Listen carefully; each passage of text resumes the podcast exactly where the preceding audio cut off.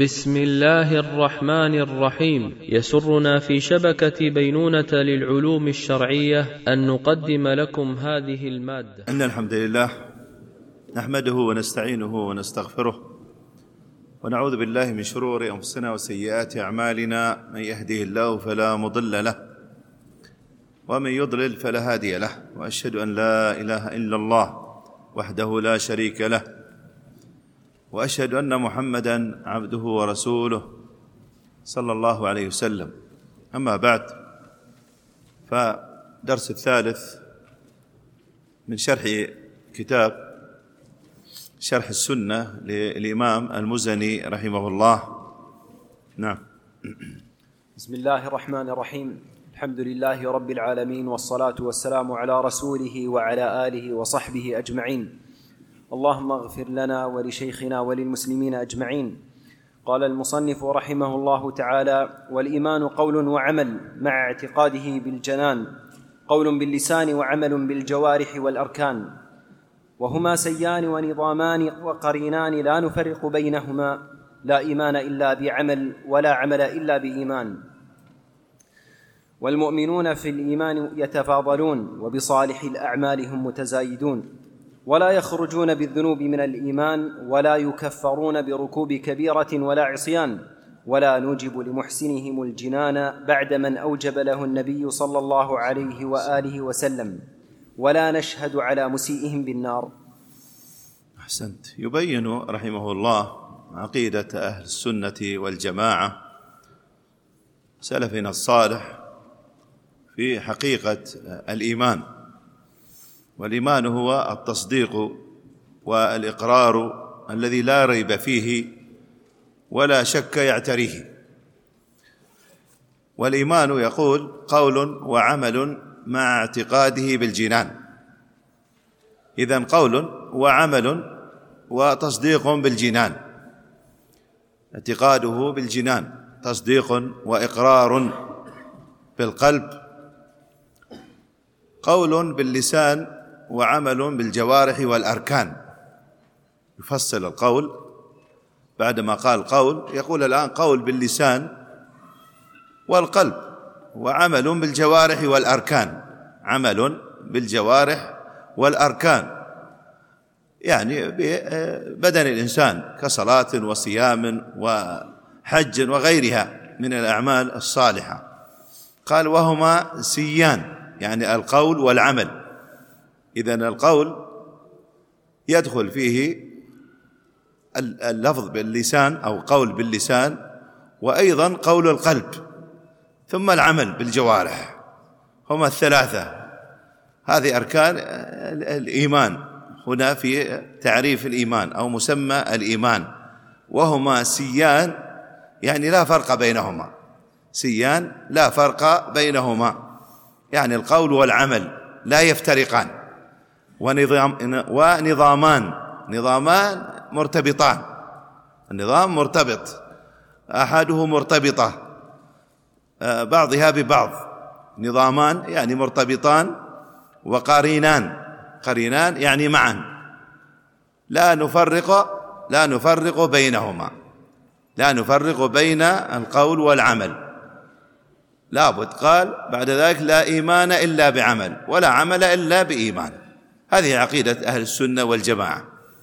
قال والمؤمنون في الإيمان يتفاضلون. يتفاضلون فمنهم قوي الإيمان ومنهم ضعيف الإيمان. لأن الإيمان يزيد بالطاعة وينقص بالمعصية. قال وبصالح الأعمال هم متزايدون ولا يخرجون بالذنوب من الإيمان. وبصالح الأعمال هم متزايدون. فمن من المؤمنين عنده زيادة في الأعمال الصالحة ومنهم أيضا عنده زيادة أكثر هكذا متزايدون.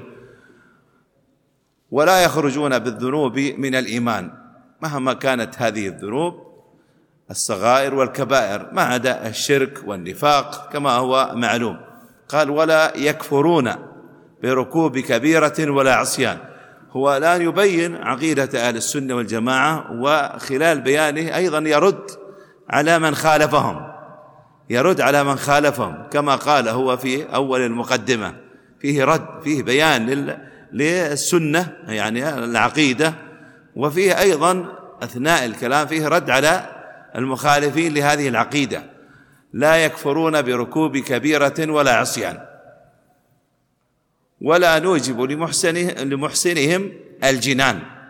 يعني لا نشهد لأحد بالجنة إلا ما شهد له رسول الله صلى الله عليه وسلم.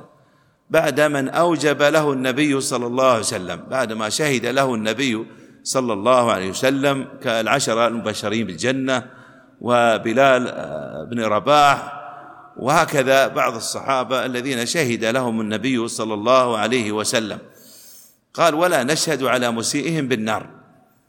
ولا نشهد أيضا لا نشهد لأحد من المؤمنين بالنار لا نشهد له.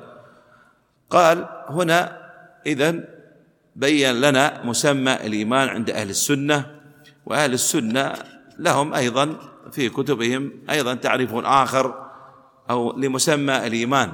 قالوا اعتقاد بالقلب وقول باللسان وعمل بالجوارح والأركان. يزيد بالطاعة وينقص بالمعصية. يزيد بالطاعة هذا الإيمان وينقص بالمعصية. والأدلة على ذلك في الكتاب وفي السنة.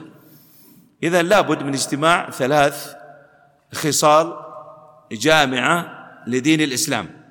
اعتقاد القلب وإقرار اللسان وعمل الجوارح. لابد من الثلاث. لابد من الثلاث حتى تكون العقيدة موافقة لما جاء في كتاب الله وفي سنة رسول الله صلى الله عليه وسلم. اعتقاد القلب تصديق القلب وإقراره وإقراره وإيقانه بالحق لا شك ولا ريب عنده. هذا هو الاعتقاد بالقلب تمسكه به عدم التردد فيه في هذا الاعتقاد. هذا هو المطلوب. إقرار اللسان أي النطق بالشهادتين. النطق بالشهادتين والإقرار بلوازم الشهادتين. بلوازم الشهادتين. عمل الجوارح فعل المأمورات والواجبات. فعل المأمورات والواجبات هو العمل بالجوارح وترك المنهيات والمحرمات. هذا هو عمل الجوارح. كل هذا يدخل في مسمى الإيمان عند أهل السنة والجماعة. خصال ثلاث لا بد منها. اشتمل عليها مسمى الإيمان عند أهل السنة والجماعة. فمن أتى بجميع هذه الخصال الثلاث فقد اكتمل إيمانه. ومن أتى باثنتين دون الثلاث لم يصح إيمانه. قال الإمام الشافعي رحمه الله كان الإجماع من الصحابة والتابعين من بعدهم ممن أدركناهم أن الإيمان قول وعمل ونية. ولا يجزئ واحد من الثلاثة إلا بالآخر. هذا كلام الإمام الشافعي رحمه الله رواه اللالكائي رحمه الله في شرع أصول اعتقاد أهل السنة في المجلد الخامس. يقول أعيد كلام الإمام الشافعي رحمه الله كان الإجماع من الصحابة والتابعين من بعدهم ممن أدركناهم أن الإيمان قول وعمل ونية. قول وعمل ونية. نية يعني اعتقاد في القلب لأن النية محلها القلب. ولا يجزئ واحد من الثلاثة إلا بالآخر. لا بد من الثلاثة. لا بد من الثلاثة. ويقول أيضا الحافظ أبو عمرو بن عبد البر رحمه الله أجمع أهل الفقه والحديث على أن الإيمان قول وعمل ولا عمل إلا بنية. والإيمان عندهم يزيد بالطاعة وينقص بالمعصية. والطاعات كلها عندهم إيمان. كلامه في التمهيد في المجلد التاسع. إذا عرفنا عقيدة أهل السنة والجماعة. عقيدة سلفنا الصالح. لابد من معرفة من من خالفهم. لماذا خالفوا؟ من باب معرفة الشر. لأن المسلم يعرف الخير ويعرف الشر. كما قال حذيفة رضي الله عنه كان الناس كان الناس يسألون رسول الله صلى الله عليه وسلم عن الخير وكنت أسأله عن الشر مخافة أن يدركني مخافة أن يقع في هذا الشر. فالمسلم يتعلم الخير ويتعلم الشر يتعلم السنة أيضا ويعرف البدع ما ما يضاد السنة. وهكذا يتعلم الأحاديث الصحيحة وكذلك يتعلم أيضا يتعرف على بعض الأحاديث الضعيفة والموضوعة. طالب العلم إذا تقدم في العلم لا بد له من معرفة الحق ومعرفة الشر.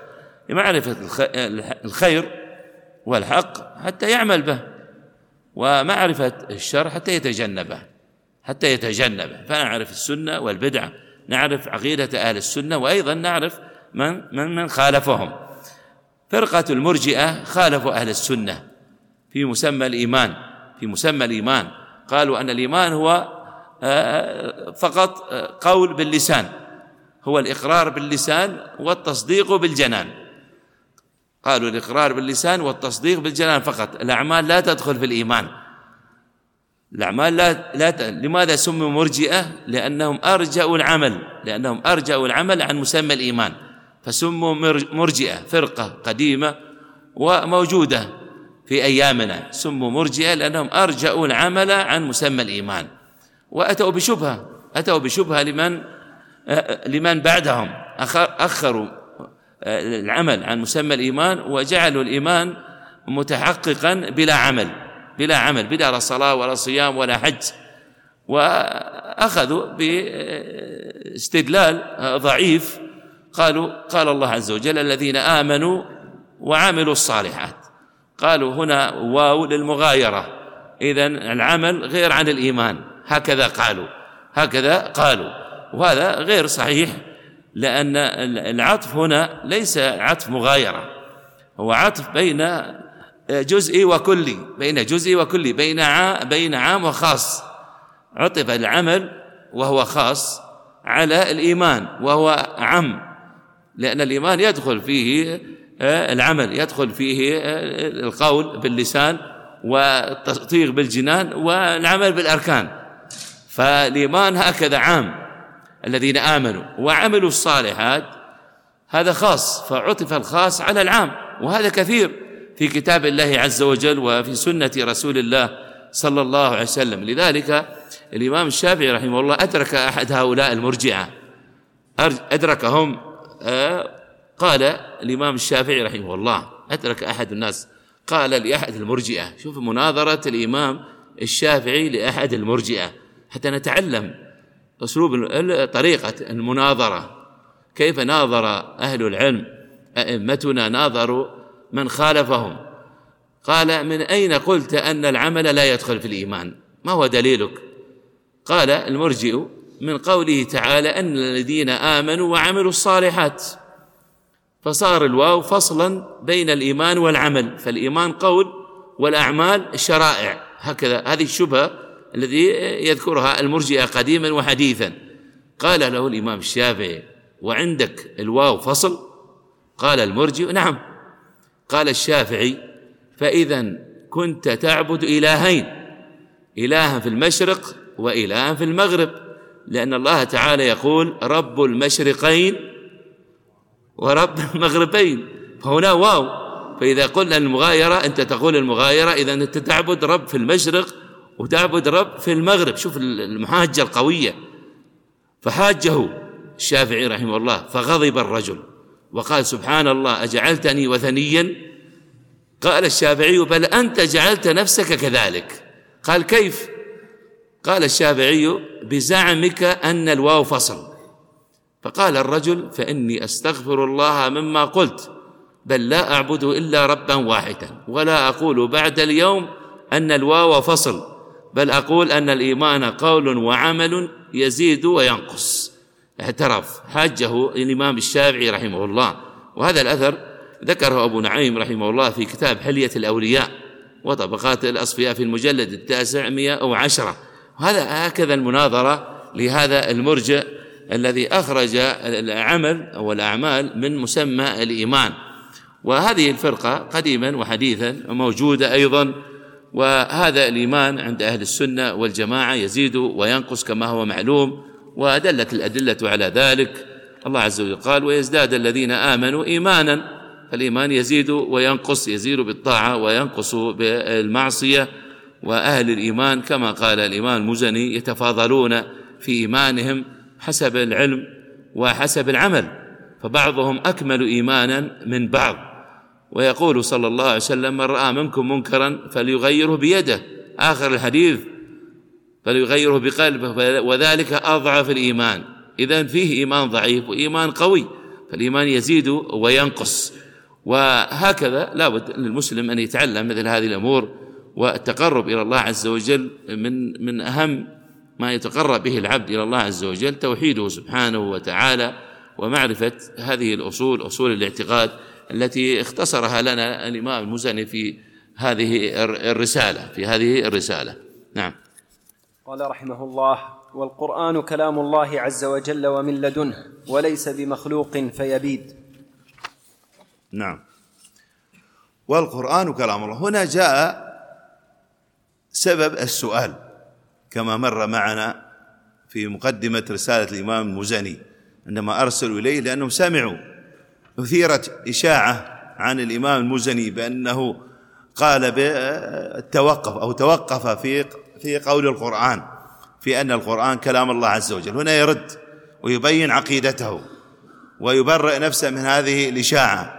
والقرآن كلام الله عز وجل ومن لدنه وليس بمخلوق فيبيد والقرآن كلام الله كلام الله صفة الكلام. وهنا أيضا الكلام هو كلام الله عز وجل من لدنه يعني تكلم به قولا سبحانه وتعالى. وليس بمخلوق فيبيد ليس بمخلوق فيفنى. هو يبين الآن معتقد أهل السنة والجماعة. وفيه رد على هذه الإشاعة التي أثيرت عنه رحمه الله. والله عز وجل قال إنا أنزلناه في ليلة القدر. إذا القرآن منزل من عند الله عز وجل. لم يكن مخلوقا. القرآن نزل من عند الله عز وجل وليس مخلوقا كسائر المخلوقات هو كلام الله عز وجل ألفاظه وحروفه ومعانيه كلام الله عز وجل. فهنا مسألة القرآن أنه كلام الله عز وجل وليس بمخلوق. هذه آه، خلاصة أو عقيدة أهل السنة والجماعة فيه نتكلم عن الكلام وأنه صفة من صفات الله عز وجل وهذه الصفة ثبتت لله عز وجل في القرآن وفي السنة وأجمع عليها سلفنا الصالح. والله عز وجل قال وكلم الله موسى تكليما وقال عز وجل منهم من كلم الله وهكذا قال الله عز وجل وإن أحد من المشركين استجارك فأجره حتى يسمع كلام الله يسمع القرآن كلام الله. فالله عز وجل بين في كتابه. أن هذا القرآن كلامه سبحانه وتعالى. وهذا القرآن منزل غير مخلوق. منه بدأ وإليه يعود سبحانه وتعالى. فهو كلام الله حروفه ومعانيه. والأدلة ذكرنا منها بعضها من كتاب الله عز وجل والأدلة كثيرة. والكلام كلام الله عز وجل صفة من صفاته وصفاته سبحانه وتعالى غير مخلوقة. لأن هذا القرآن منه بدأ وأن الله عز وجل أضافه إليه. كلام الله أضافه إليه ولا يضاف الكلام إلا إلى من قاله مبتدئا. وهكذا أيضا الأدلة الكثيرة دلت على هذا الأمر. نحتاج إلى زيادة أدلة وتفصيل في هذه المسألة. إذا معتقد أهل السنة والجماعة أن القرآن كلام الله عز وجل من لدنه كما قال الإمام وليس وليس بمخلوق وليس بمخلوق. هذا الذي أردنا أن نذكره فعرفنا مما سبق أن القرآن كلام الله عز وجل. هذه عقيدة أهل السنة والجماعة والقرآن حروف وكلمات كما هو معلوم. ونقرأ كتاب الله عز وجل وأنه مكون من حروف ومن كلمات كما هو معلوم وأقوال سلفنا الصالح كثيرة في هذا. الوقت لا يكفي لذكرها لكن يكفي أن نعرف هذا المعتقد. ولا شك أن هناك أيضا من خالف أهل السنة في هذا القرآن وفرق كثيرة ومنهم من أنكر آه، وصفة الكلام أصلا كالجهمية وهكذا منهم من أثبت أن القرآن كلام الله لكن نفى أن يكون هذه الحروف وهذه الكلمات من الله وهذا كله باطل. أما معتقد أهل السنة كما ذكر الإمام المزني قرآن كلام الله عز وجل فنثبت نثبت لله عز وجل صفة الكلام ومن غير تحريف ولا تأويل ولا تمثيل. كلام تكلم به سبحانه وتعالى كما ذكر في كتابه وهنا فتوى انقلها لكم أيضا لأحد أئمة الإسلام في مسألة من قال أن القرآن مخلوق. يقول ابن باز رحمه الله الله عز وجل صرح بأنه كلامه سبحانه وتعالى. أن القرآن كلامه لقوله عز وجل وإن أحد من المشركين استجارك فأجره حتى يسمع كلام الله. وقال تعالى يريدون أن يبدلوا كلام الله. هذا كلام الشيخ قال والرسول صلى الله عليه وسلم كان يقول للناس ألا رجل يؤمنني حتى أبلغ كلام ربي؟ حتى أبلغ كلام ربي يعني القرآن. ويطوف عليهم صلى الله عليه وسلم في مكة قبل الهجرة. يطلب منهم أن يؤوه حتى يبلغ كلام الله كلام الشيخ ثم قال والمقصود أن الرسول صلى الله عليه وسلم والصحابة كلهم صرحوا بأن القرآن كلام الله. والقرآن دل على أنه كلام الله. فمن زعم أن القرآن مخلوق فقد زعم أنه ليس كلام الله. فيكون كافرا بذلك مكذبا لله ولرسوله ولاجماع المسلمين.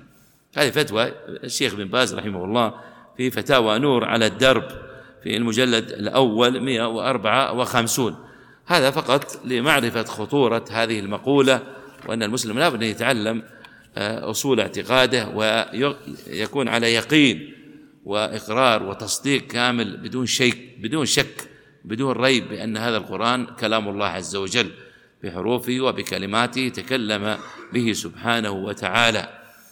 نعم. وكلمات الله وقدرة الله ونعته وصفاته كاملات غير مخلوقات دائمات أزليات. وليست بمحدثات فتبيد ولا كان ربنا ناقصا فيزيد. جلت صفاته عن شبه صفات المخلوقين وقصرت عنه فطن الواصفين. قريب بالإجابة عند السؤال بعيد بالتعزز لا ينال. عال على عرشه بائن من خلقه موجود وليس بمعدوم ولا مفقود. ولا بمفقود. ولا بمفقود.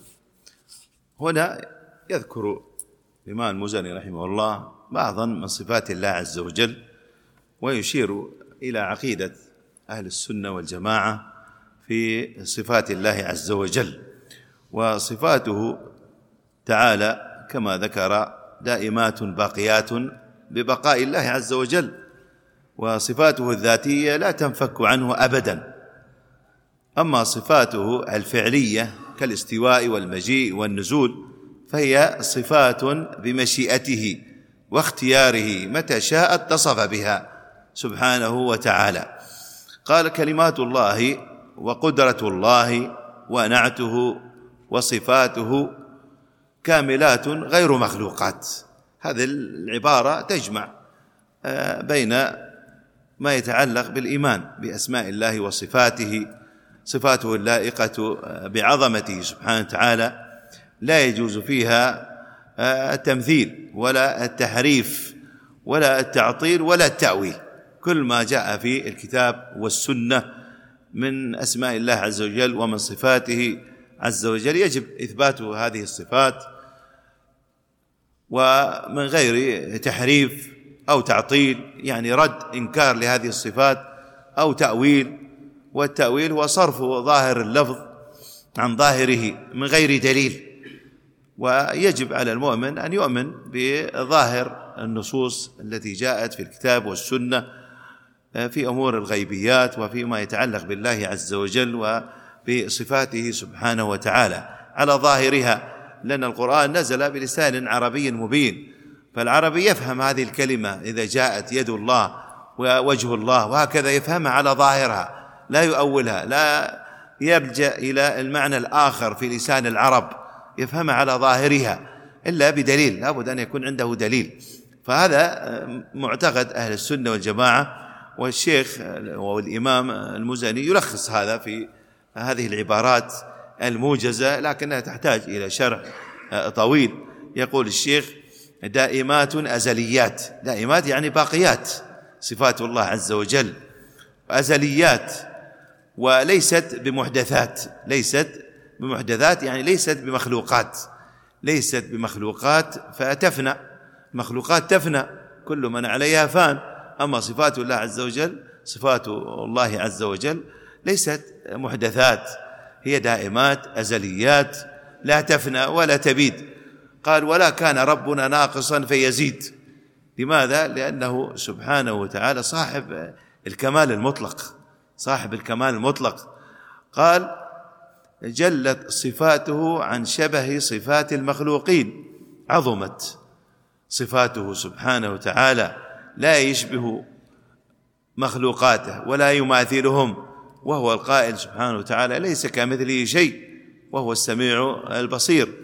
اذا هنا يقول الشيخ جلت صفاته يعني عظمت صفات الله عز وجل عن شبه صفات المخلوقين.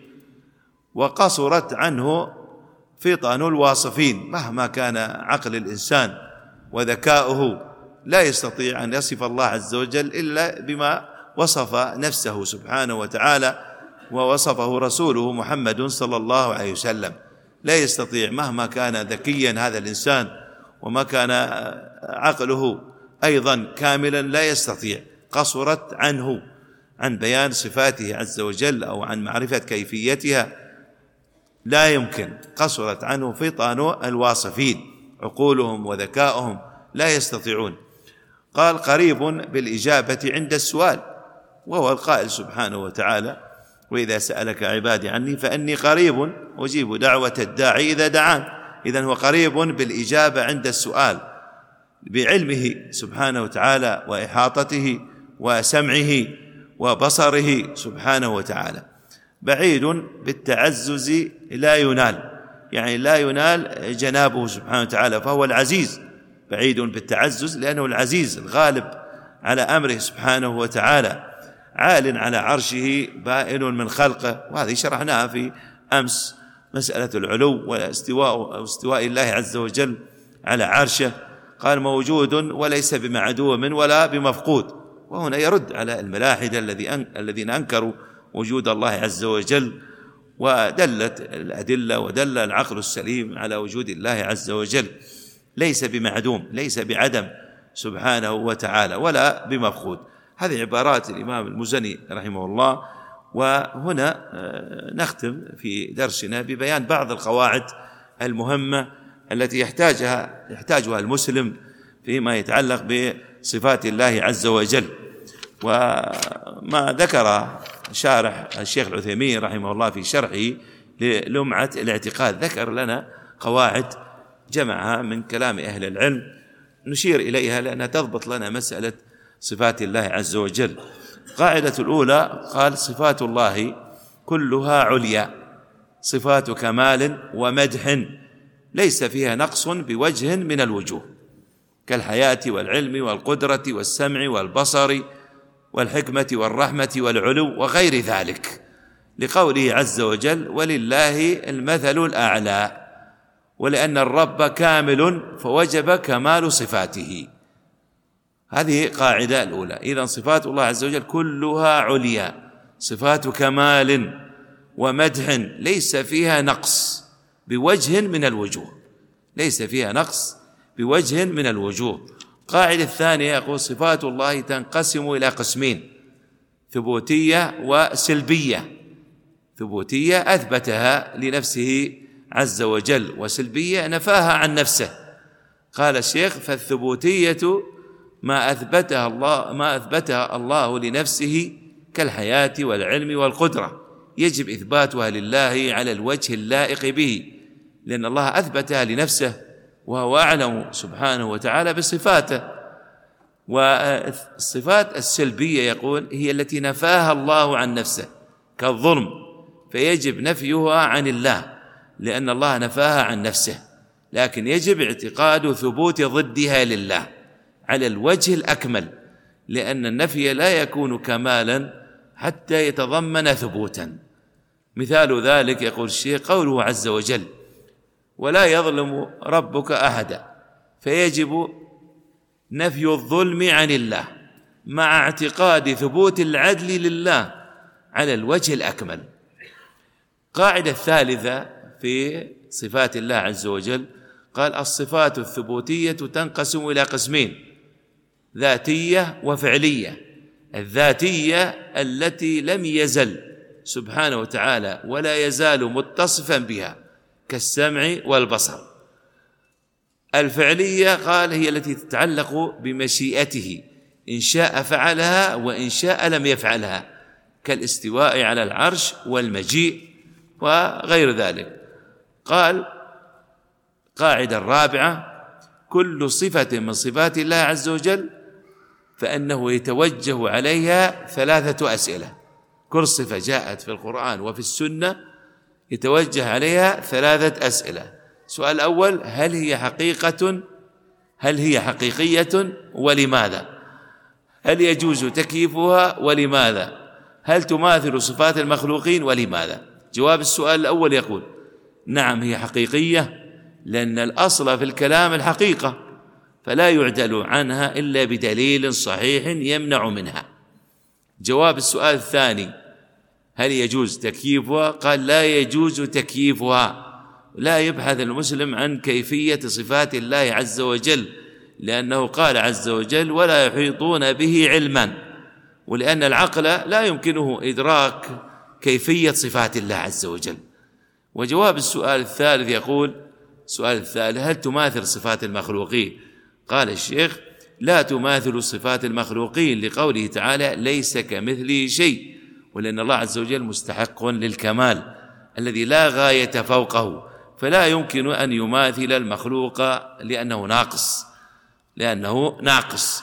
القاعدة الرابعة والأخيرة في من قواعد التي تضبط لنا معتقد صفات الله عز وجل فيما نرد به على المعطلة على أهل الأهواء.